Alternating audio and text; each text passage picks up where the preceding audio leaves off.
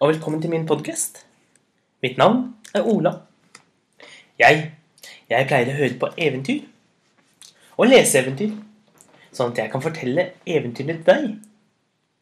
For jeg er veldig glad i fortellinger. Noen ganger så liker jeg å fortelle eventyr fra Kina, fra Japan, fra Norge, fra Karibien eller Afrika. Noen ganger så liker jeg å fortelle om Espen Askeland og trollene. Noen ganger forteller jeg om de norrøne gudene. Eller om prinsesser. Om helter. Og om dyr. I dag I dag skal vi fortsette vår reise til Arabia. Vi skal fortsette eventyret om Simbad sine reiser. Vi husker fra tidligere at jeg jeg for lenge siden bodde i byen Bagdad. Der jobbet jeg som bærer. Og en bærer, det er en som bærer alle varene til de som er rike.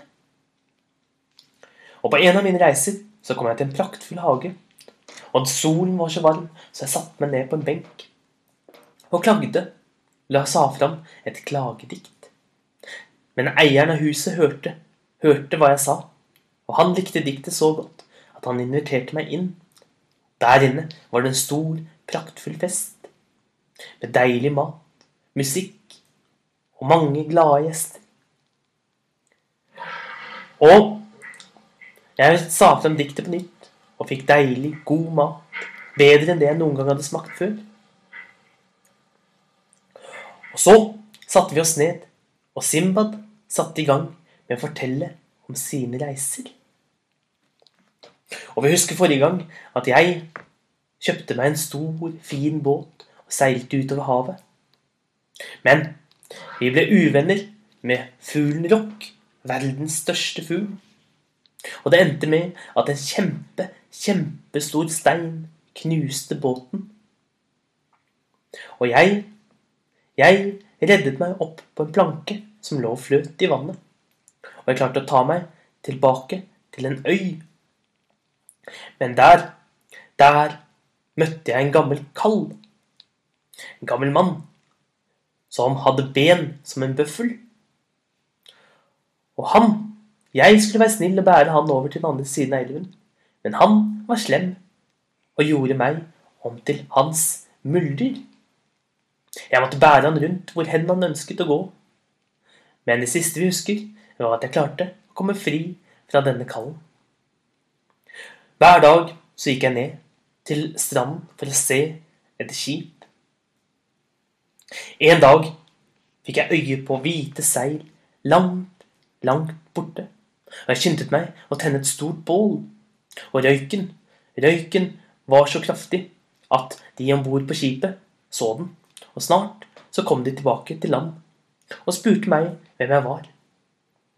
Og jeg fortalte dem at jeg het Simbad, og at jeg hadde reist reist fra øy til øy og solgt varer, men at skipet hadde sunket, og jeg hadde mistet både mennene og alle varene. Og så fortalte jeg om den gamle kallen som jeg hadde båret på ryggen, og som jeg endelig nå var fri fra. Og det, det undret mennene seg storlig over. De hadde nemlig hørt om kallen, for han Han var viden kjent i området og het Sjeik el-Bar, eller Havkallen. Men jeg, jeg var den første som noen gang hadde sluppet levende fra ham. For kallen bar, fikk folk til å bære, bære seg rundt helt til de falt om og ikke orket mer. Da spiste havkallen dem. Men jeg var den første som hadde overlevd. Og de danset og sang og var lykkelige over at faren ikke lenger fantes. Så fikk jeg mye god mat, og vi spiste og sang og fortalte hverandre historier. Og siden Siden reiste vi fra øy til øy. Vi kom til byen med i natt El Kirud, som er apebyen. En stor, praktfull by med store hus. En stor mur rundt hele byen. Og like ved var det høye, bratte fjell. Men i denne byen var det noe underlig som skjedde. For hver kveld så gikk alle som bodde i byen, ut i båtene sine og seilte ut på havet. For om natten kom alle apene ned fra fjellet. Og de plyndret alle husene og drepte alle de møtte. Og alle i byen var livredde for apene. Derfor, hver natt, eller før natten kom, så reiste alle ut i båtene og overnattet ute på havet, der hvor apene ikke kunne nå dem. Men jeg, jeg ante ikke noe om dette. Jeg gikk i land på øyen og gikk rundt i byen. Da jeg kom tilbake igjen til havnen, så så jeg at skipet hadde seilt langt ut på havet, og jeg var igjen alene i byen, uten mennene som jeg hadde seilt med. Og jeg angret nok en gang på min dumskap, og at jeg ikke hadde lært noen ting fra de forrige reisende. Jeg hadde jo blitt forlatt på en øy tidligere, og nå hadde jeg klart å gjøre det samme igjen. Og nå kom apen til å komme, og jeg kom til å dø. Og jeg angret på at jeg hadde reist på nok en reise. Rett som jeg satt der og angret, så så jeg Så hørte jeg en stemme. Og jeg snudde meg, og bak meg så sto det en mann. Og han sa, 'Skynd deg, så kan du være med i min båt.'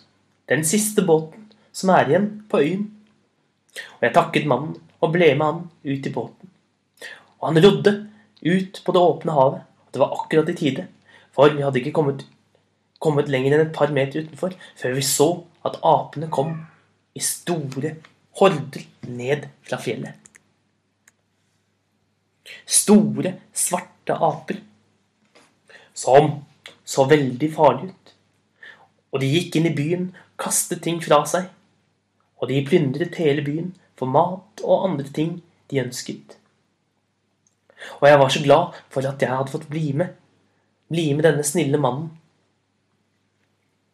Dagen etter så kom vi tilbake igjen til byen og så på skadene som apene hadde gjort.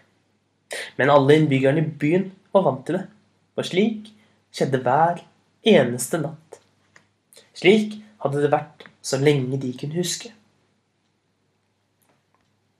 Og den gamle mannen, han sa til meg Han spurte om jeg hadde Om jeg hadde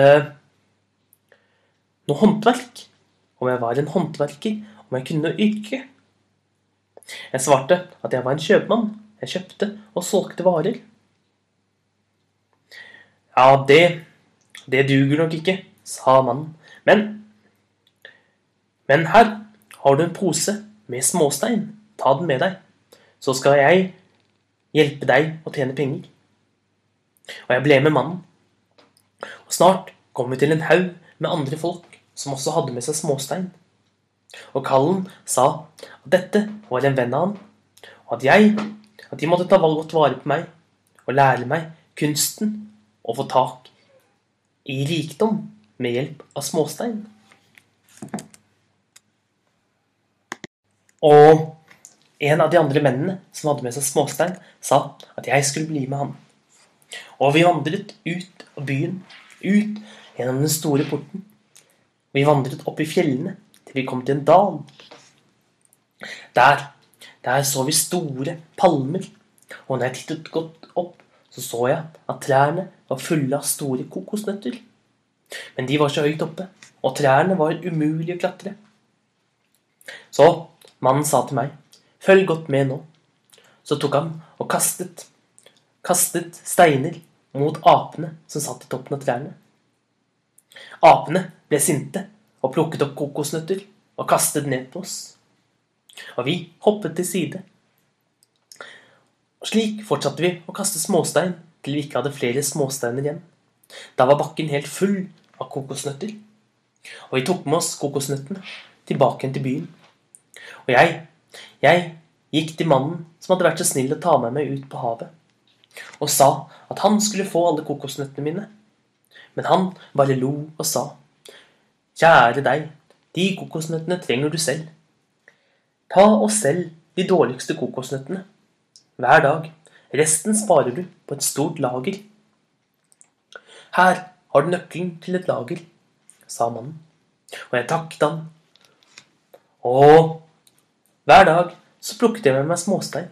Hver dag så gikk vi til dalen og kastet på apene, og apene kastet kokosnøtter tilbake på oss. Og hver dag så solgte jeg de dårligste og eldste kokosnøttene. Og lageret mitt av kokosnøtter vokste for hver dag smik.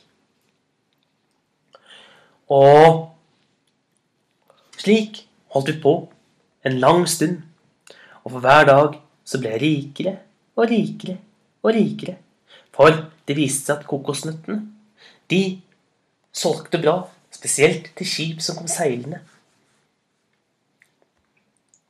Og jeg levde godt her på denne øyen, og jeg ble også kjent med kongen på øyen.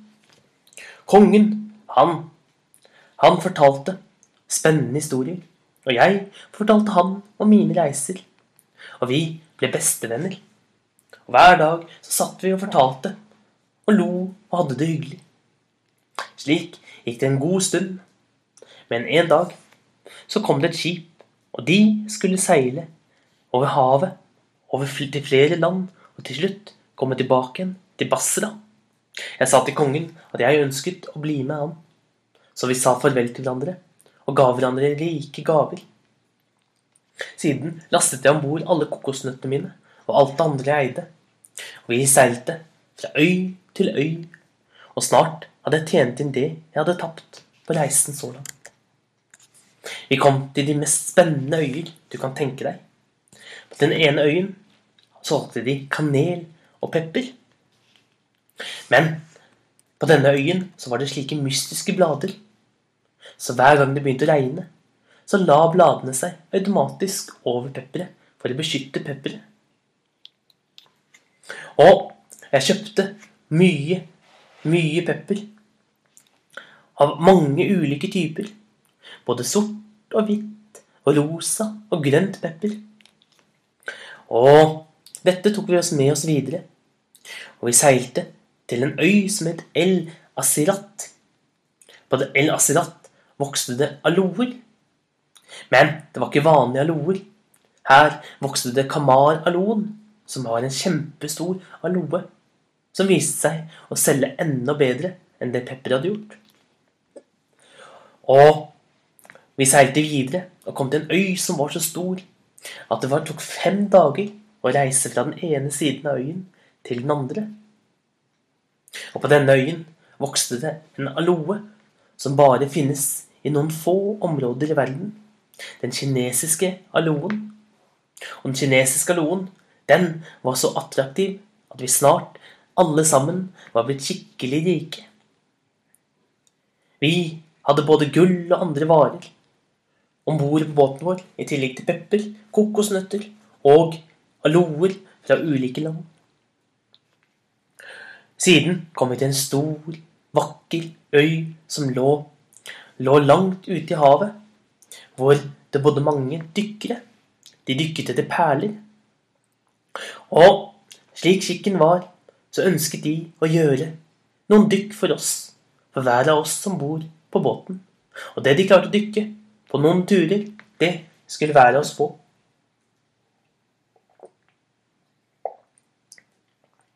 Og når det ble min tur, de skulle dykke for meg, da kom de opp med favnen fulle av de største, vakreste, hvite og rosa perlene som jeg noen gang hadde sett.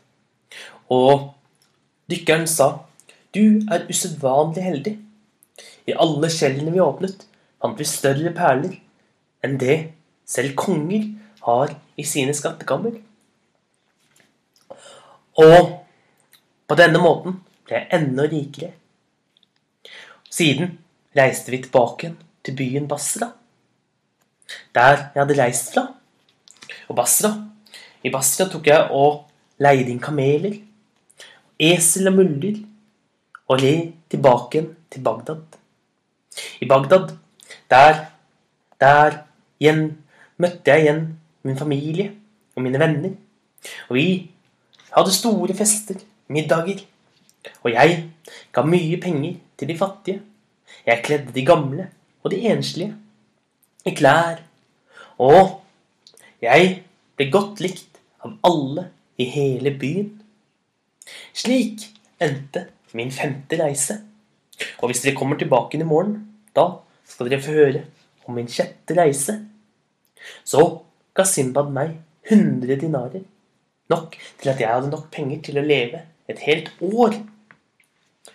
For gulldinarer er verdt mye, mye penger. Mye mer enn det jeg tjener ved å være bærer.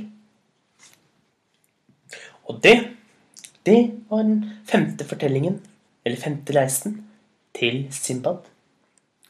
Og neste uke, da skal vi få høre om den sjette reisen.